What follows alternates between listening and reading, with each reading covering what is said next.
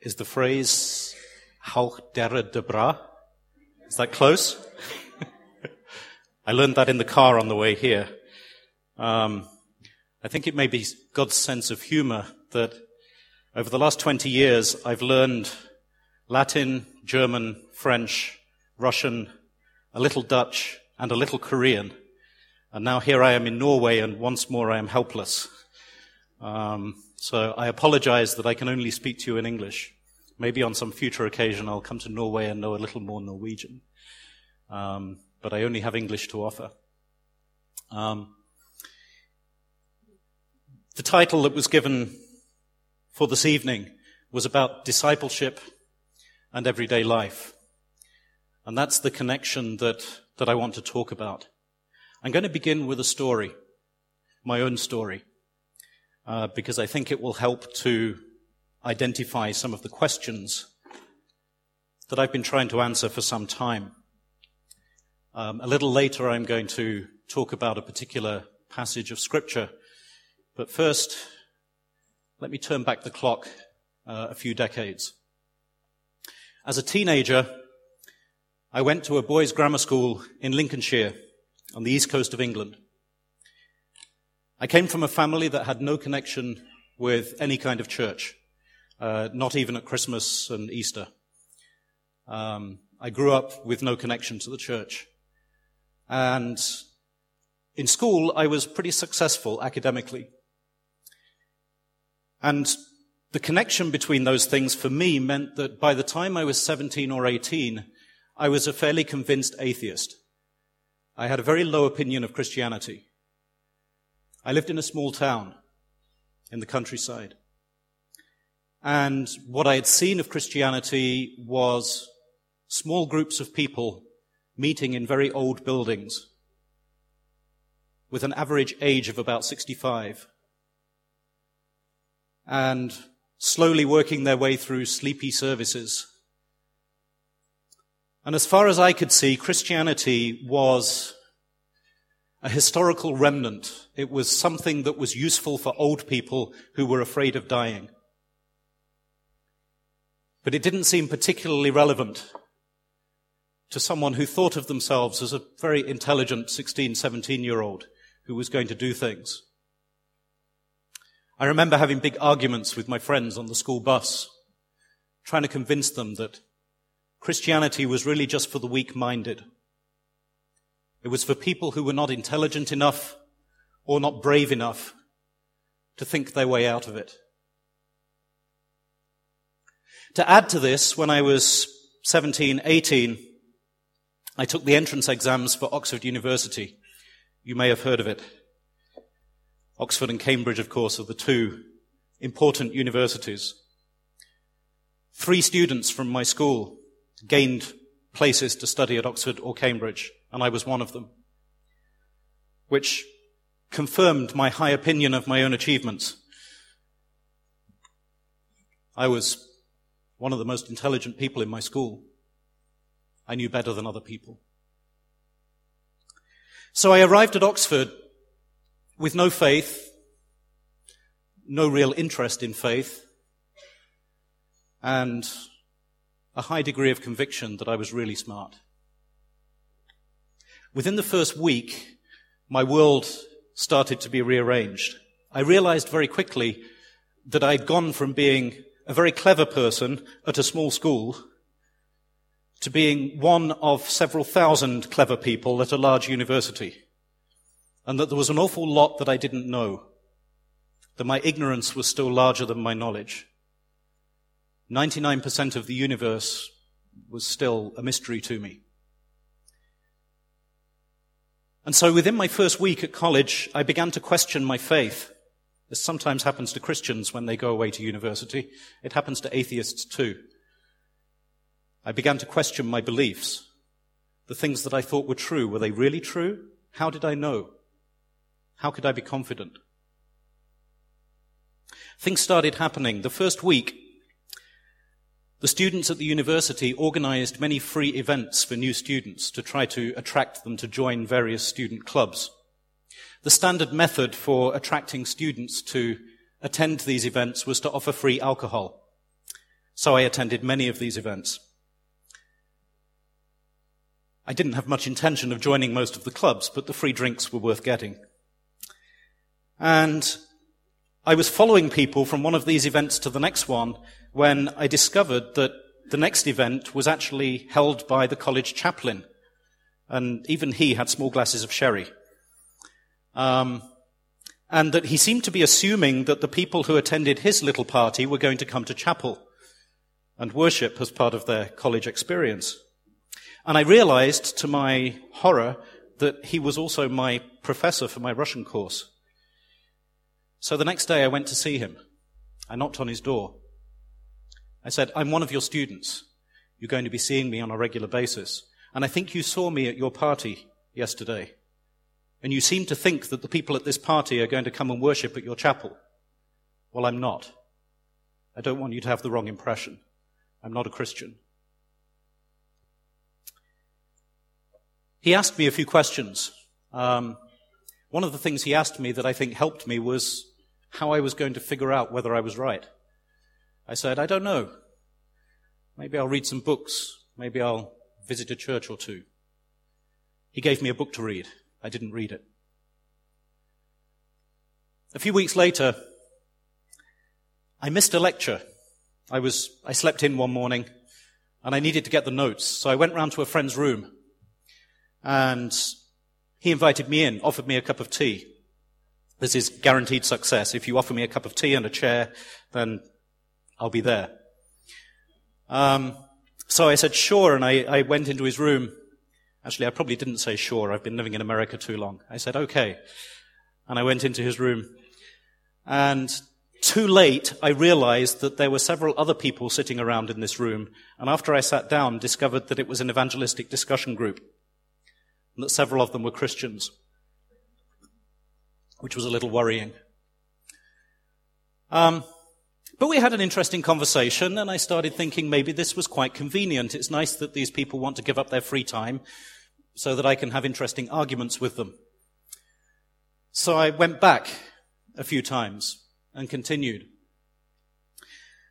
And actually, as these first few weeks of my student career continued, it started to seem to me that the question of whether God existed was a very practical question. The way that I put it to myself was this. If God does not exist, if I'm right, there's no God. It's just a ball of matter and this life is all you have. Then you have a certain number of years to live, and after that you die, and you decay, and you're gone, and there are no consequences. There are short-term consequences, I could do bad things that get me arrested and put into prison. I don't want to do that. But as long as I avoid those things, there are no ultimate consequences in the long term. And if that's the case, if there are no consequences, then what are my student years for? Well, surely the logical thing would be to eat, drink, have sex as often as possible, and just enjoy life to the fullest. There are no consequences. But if God did exist, I didn't have much theology, but if God did exist, I had this sense that one day I might have to explain how I spent my time during these years. So this became a really practical question. How do I plan what to do on Saturday night if I don't know whether God exists or not?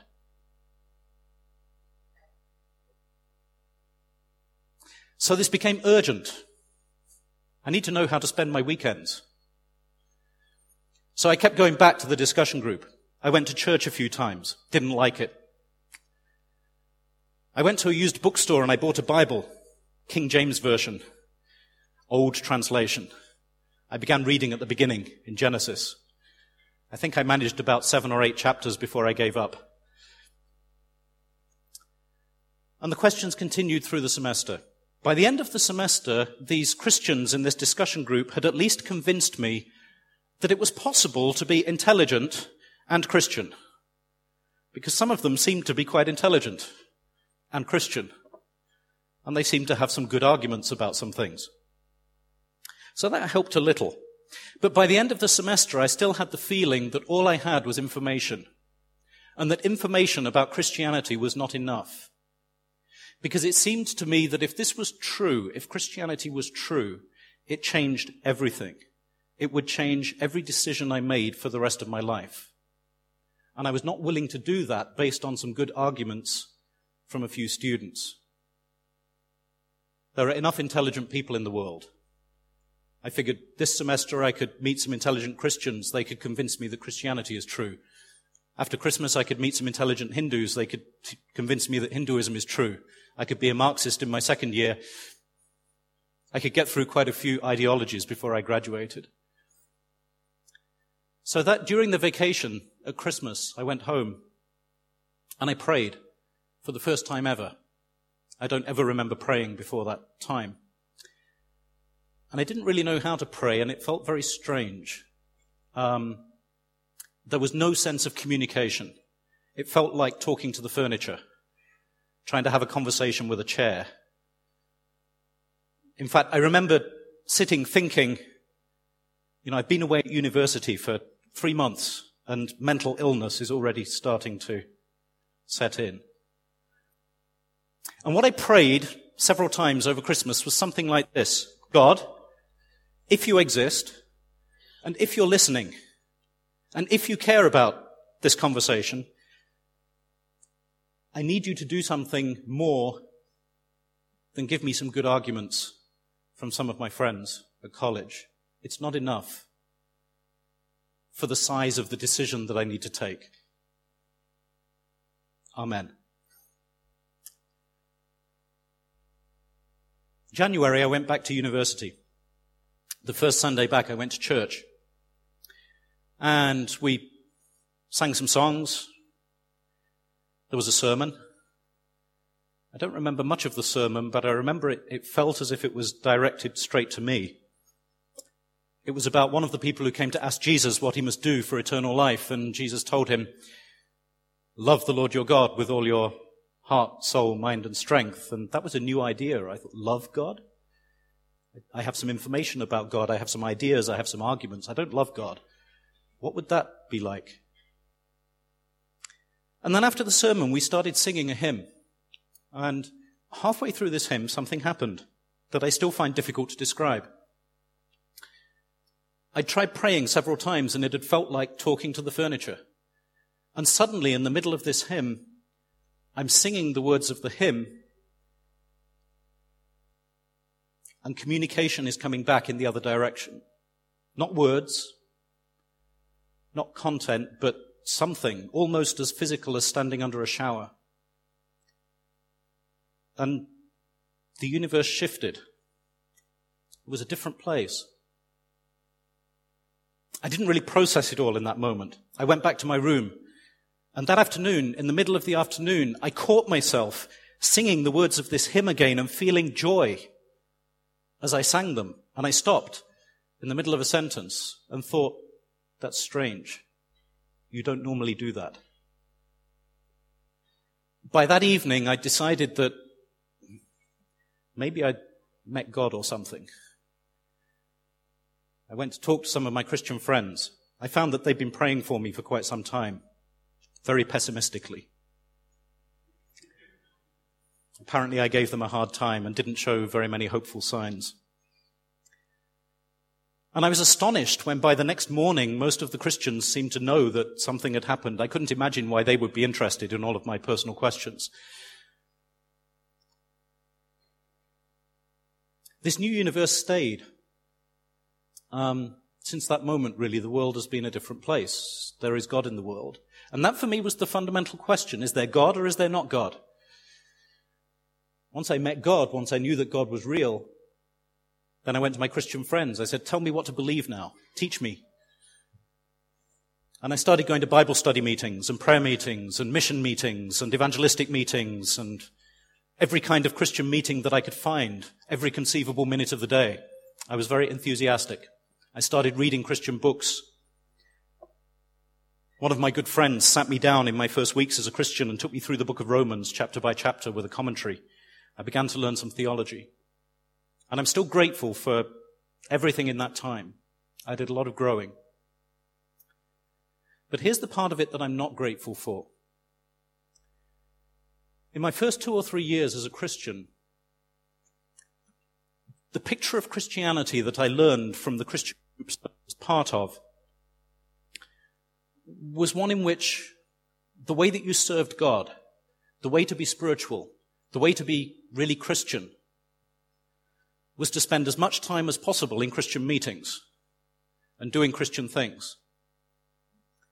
And that after you graduated from college, if you really wanted to serve God and be spiritual and be very Christian, you would become a missionary in a distant country that didn't have electricity. And if you were a little less spiritual than that, you would be a pastor in your own country. And if you were a little less spiritual than that, maybe a youth worker or a social worker. And then maybe a nurse. And we keep going down to rock star, politician. Now, I don't think anyone ever actually preached this to me, but I learned it from the way that we did Christianity. Um, if I went to the bookstore and looked for a Christian book to read, an interesting biography of a famous Christian who did great things for the Lord,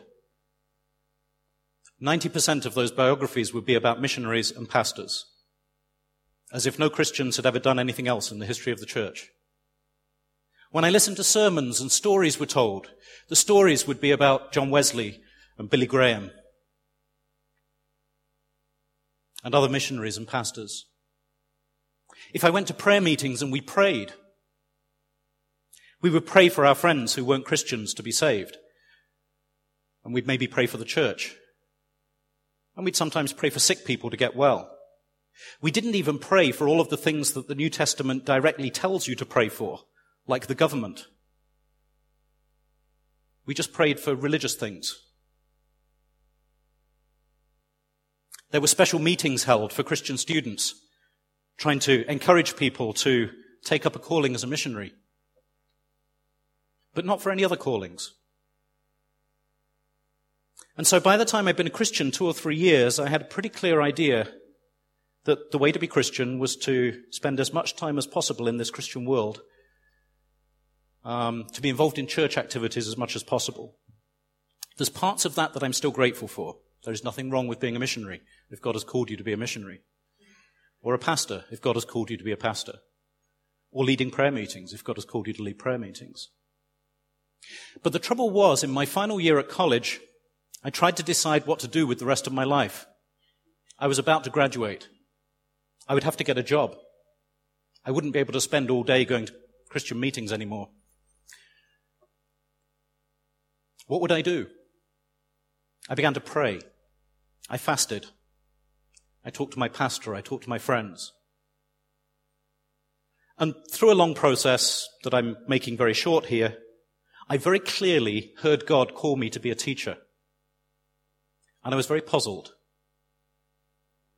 Because I told God that I would go anywhere. I would do anything. Lord, call me. Anything you wish. And I think I was sincere. At least to the degree that I was able to understand my own motivations. So I was fully expecting that God would call me to go to Africa, to go to India, to go somewhere exciting where there were poor people to be saved. And God called me to be a teacher.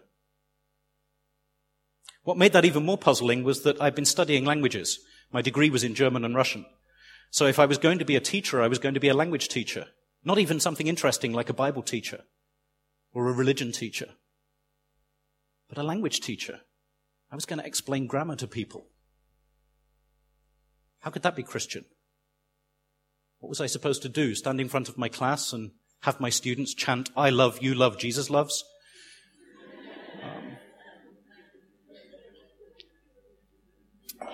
it, it felt a little bit as if I'd applied for the manager's position in the company and they had offered me a job cleaning the toilets. I almost felt a little insulted. Perhaps my pride hadn't quite died yet. And then at the same time as this was going on, I was still reading, I was still studying, and I began to discover passages in the New Testament that I hadn't quite paid attention to. Let's look at one of them. Passage from uh, Colossians. Colossians, Senna? Is that how you say it? Yeah, okay.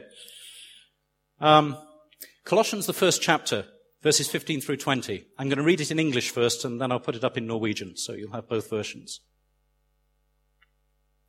The Son is the image of the invisible God, the firstborn over all creation.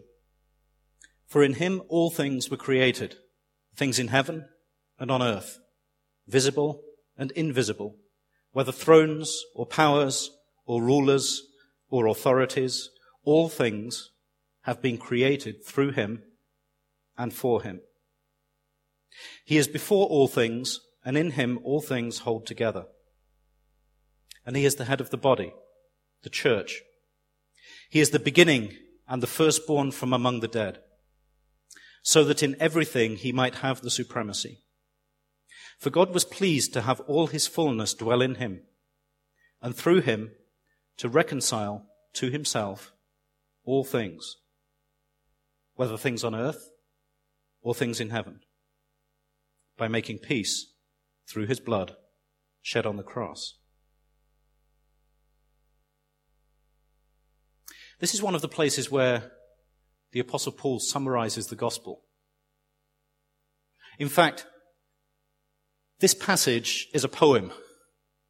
It's in the middle of a letter, a letter to the Colossians, but this little section of the letter it's, it's arranged very tightly. It's a piece of poetic language. Some commentators think that it, it could be a song. This might be part of a hymn from the early church. Or maybe it was a piece of liturgy. Maybe it was something that the early Christians read together. It's not just prose. And it's a poem in two parts. I arranged it this way on purpose. The first part, the left hand side, has a clear theme. It's all about creation. All things were created in the beginning. Jesus was the firstborn of creation.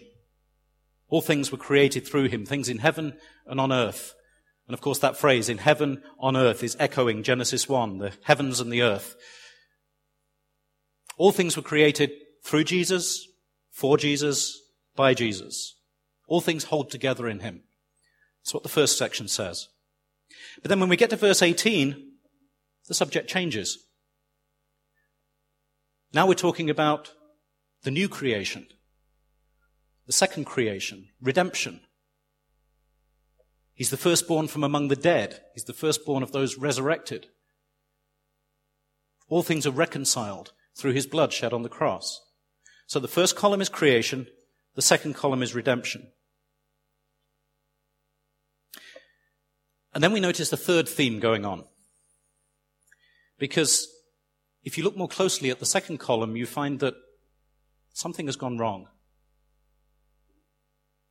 The question is, if all things were created by him and for him and through, th- through him, then why are some of those things dead?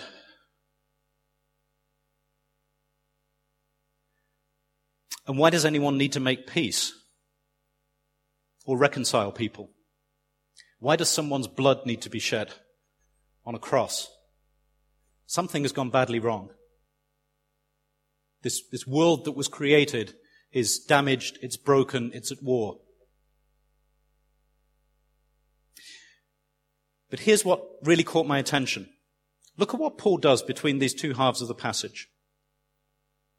Left hand side, it's about creation. Jesus is the firstborn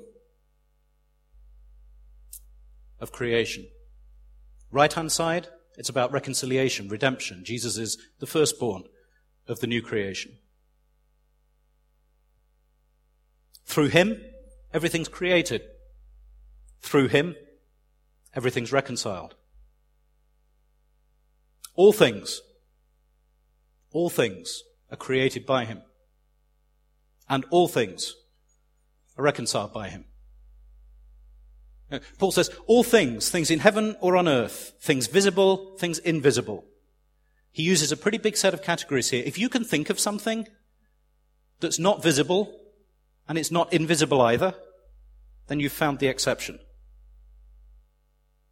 But if it's visible or invisible, it was part of creation. All things, every kind of thing.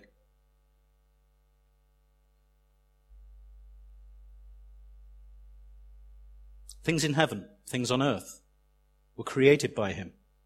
Things on earth, things in heaven, were reconciled by him. So Paul echoes all of this language in both halves. He uses the same words, the same phrases, the same scope. The message seems pretty clear. Whatever happened at the cross, this reconciliation that took place, it's as big as creation.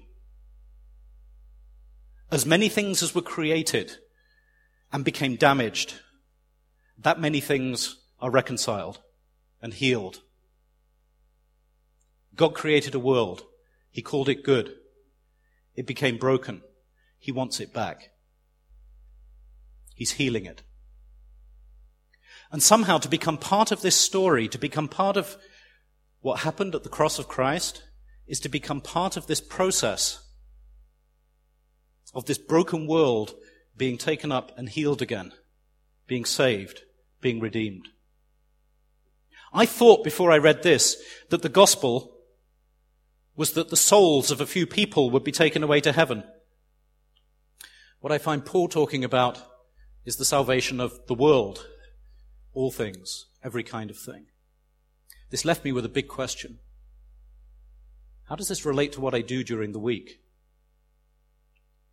Maybe salvation has something to do with more than prayer meetings and church meetings. How does it affect what I do on Monday and Tuesday and Wednesday? When I'm out in the world, rubbing up against all things, following my calling.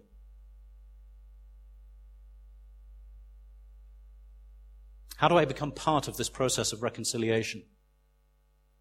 Of healing things? This is a Norwegian nursery rhyme, so I'm told. Um, I put it up there just to show you how this piece of software works. I, I used a, a word cloud program or a tag cloud program.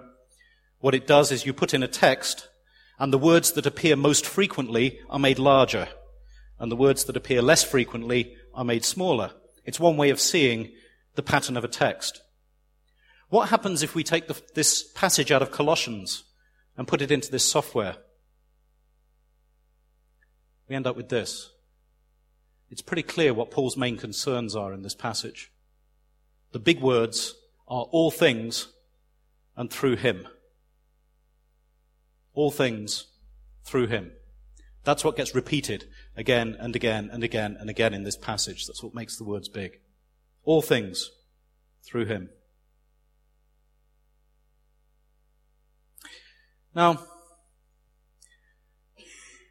the questions that I had to start asking myself were, so when I'm out in the world, when I'm teaching languages, how do my actions affect God? The way that I carry out my work, could I offer this as an offering to God? Or would I be ashamed of it? How does it affect other people? I'm called to love my neighbor. How do my actions affect the people around me? How do the responsibilities that I have in my calling affect other people's lives? And how does my Christian faith change the way I go about that? How do my actions affect God's creation? These all things that belong to Him. Do I damage the world or do I heal the world? Now, I know you're not all language teachers, but I'm a language teacher, so because I'm approaching this through my story, I'm just going to give you one example of how this started to change what I did. I didn't start saying, I love, you love, Jesus loves. Um, but I did start looking at what happened in my language classroom. I remember one school that I went to work at. It was a public school, in England, um, there is a law that every school day must begin with a worship service or a, a meeting that has some prayer. Um, it's often not very Christian, but the event is there. And I joined this school. I was there for a year. And on the first day of the school year, one of the school leaders stood up and gave an inspirational talk at the start of the school year in the school gathering. And this is roughly what he said. He began by telling a story about how he had visited Florida during the summer and had visited Disney World with his children. He told some funny stories about how his young children had behaved badly on the plane. And he kept going for about five minutes, and then he said, and then it was September, and I had to come back to school. We all hate coming to school in September, don't we? Yep, your teachers hate coming here too. The only reason I come here is because I get paid a good amount of money for teaching. If I didn't get paid a good salary, do you think I'd be here? I don't come here for fun. And your exams are coming. And you need to study hard. Because if you study hard, you will get good grades in your exams. And then you will be able to get a good career. And you will earn a lot of money. And you will be able to go to Florida and go to Disney World on vacation with your children. And you'll be able to pay for your house and your car. If you don't do well in your exams, you won't be able to do those things. And I was standing at the back, amazed that this was the inspirational message at the start of the year. I knew that some people live like this, but to preach it from the front. The purpose of learning is to pass your exams so that you can make more money, so that you can have a bigger house, so that you can maybe go to Florida one day. But then I looked at what was going on in my classroom. I taught French and German. This is one of, one of the textbooks. It's a German textbook. And I started looking at the content of my textbook. What happened in my classroom? If you, if you had come from another planet and this textbook was the only evidence you had to learn about human beings, what would you find out about human beings? Well, the people in this textbook spend a lot of time shopping. They buy clothes, they buy music, they learn how to say the things that buy them clothes and music.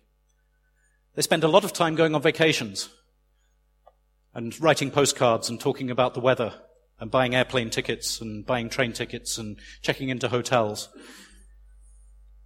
They spend a lot of time talking about leisure activities it was a common activity to have students describe what they did at the weekend and talk about their favorite book and their favorite film. They also ate and drank quite a lot. We learned a lot about German meal times, French cafes. And every now and then they got sick and they went to the doctor. Just a little bit sick, headaches. They had to buy aspirin. And that was pretty much the whole of life in this textbook. This was what German people did. There were no people in my textbook who suffered. There were no people in my textbook who died. There were no people who prayed. There were no people who believed anything. There were no people who protested against injustice. They weren't really human.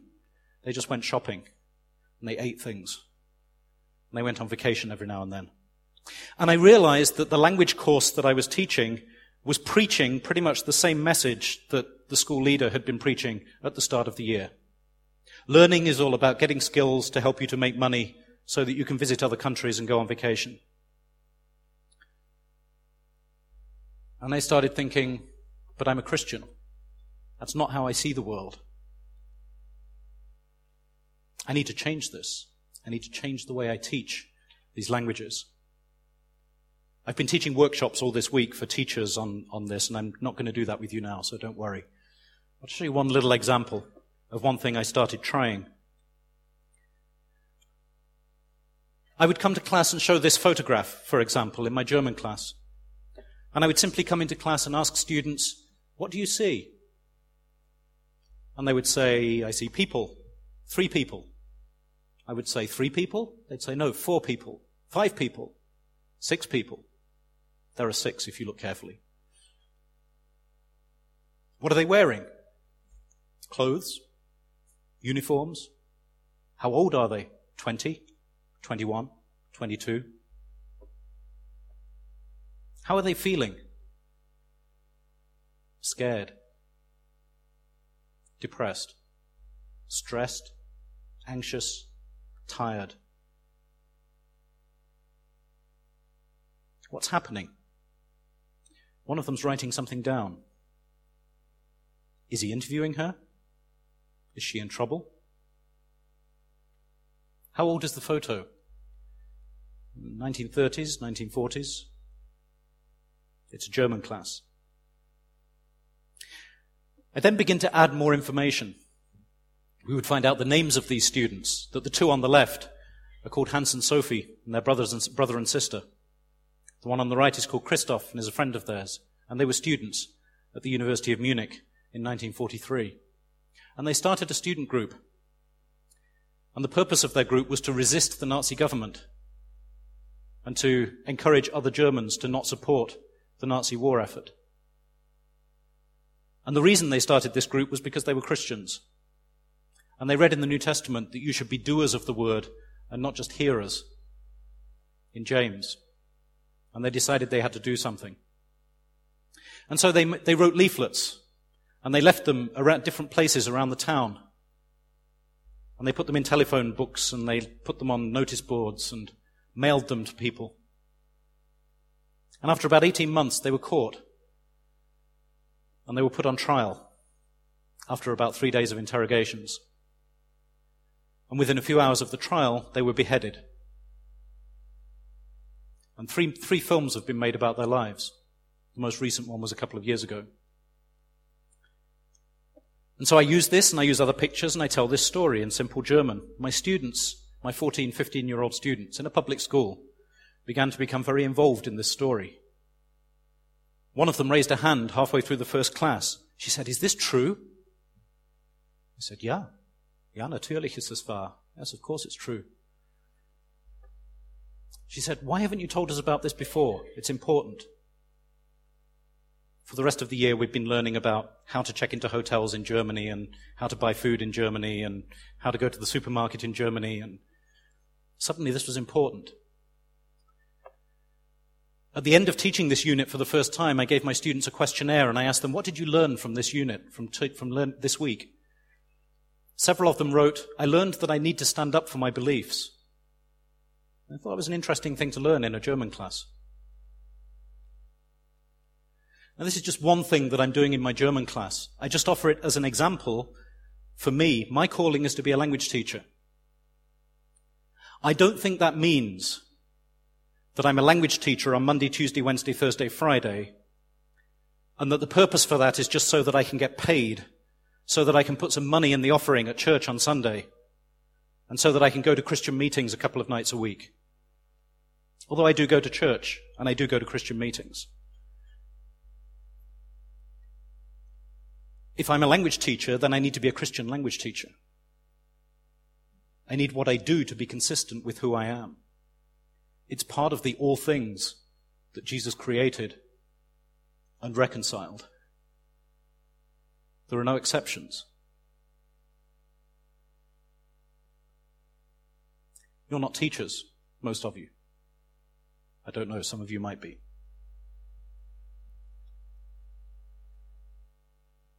But I'm guessing many of you won't be called to be missionaries in other countries or pastors.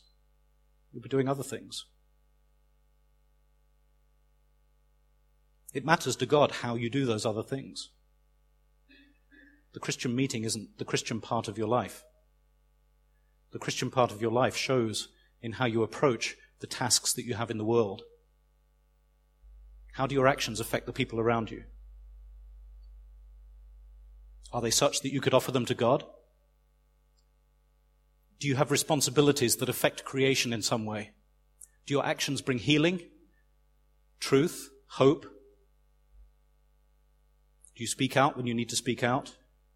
Do you change the way things are done? If the way that things are done reflects a godless way of thinking.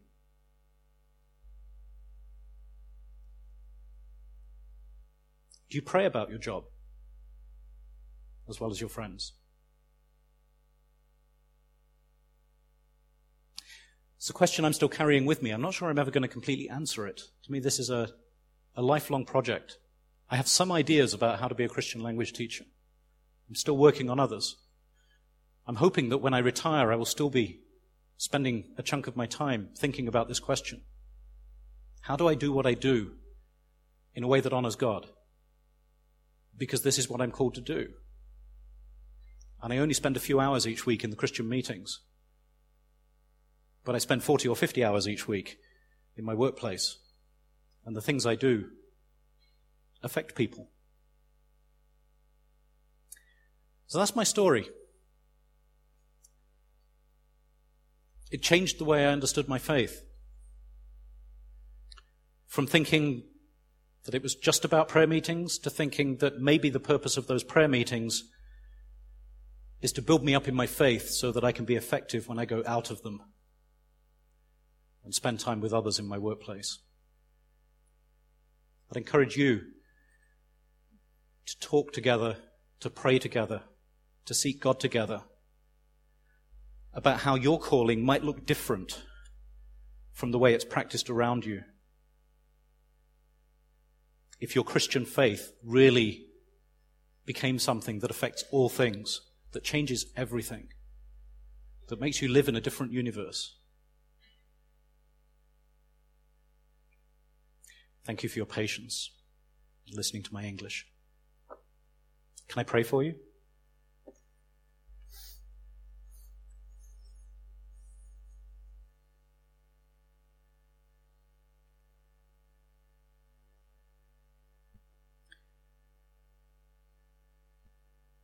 Father, you know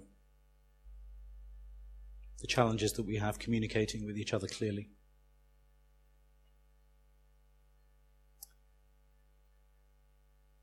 I pray that you would take any of the words that were spoken and heard this evening that are useful to you, and that you would use them. That you would bring change where change is needed hope where hope is needed, courage where courage is needed. I pray that you would reshape us, that you would make us into people who show who you are and what you've done, whatever we're doing. That our Christianity is an all day thing, an all week thing, an all year thing. not just something for special times and special places. Thank you for the, the cosmic scope of what you've done, for promising to transform all things, to take this world with its hurts and its brokenness and heal it, make it whole. Make us part of that. In Jesus' name, Amen.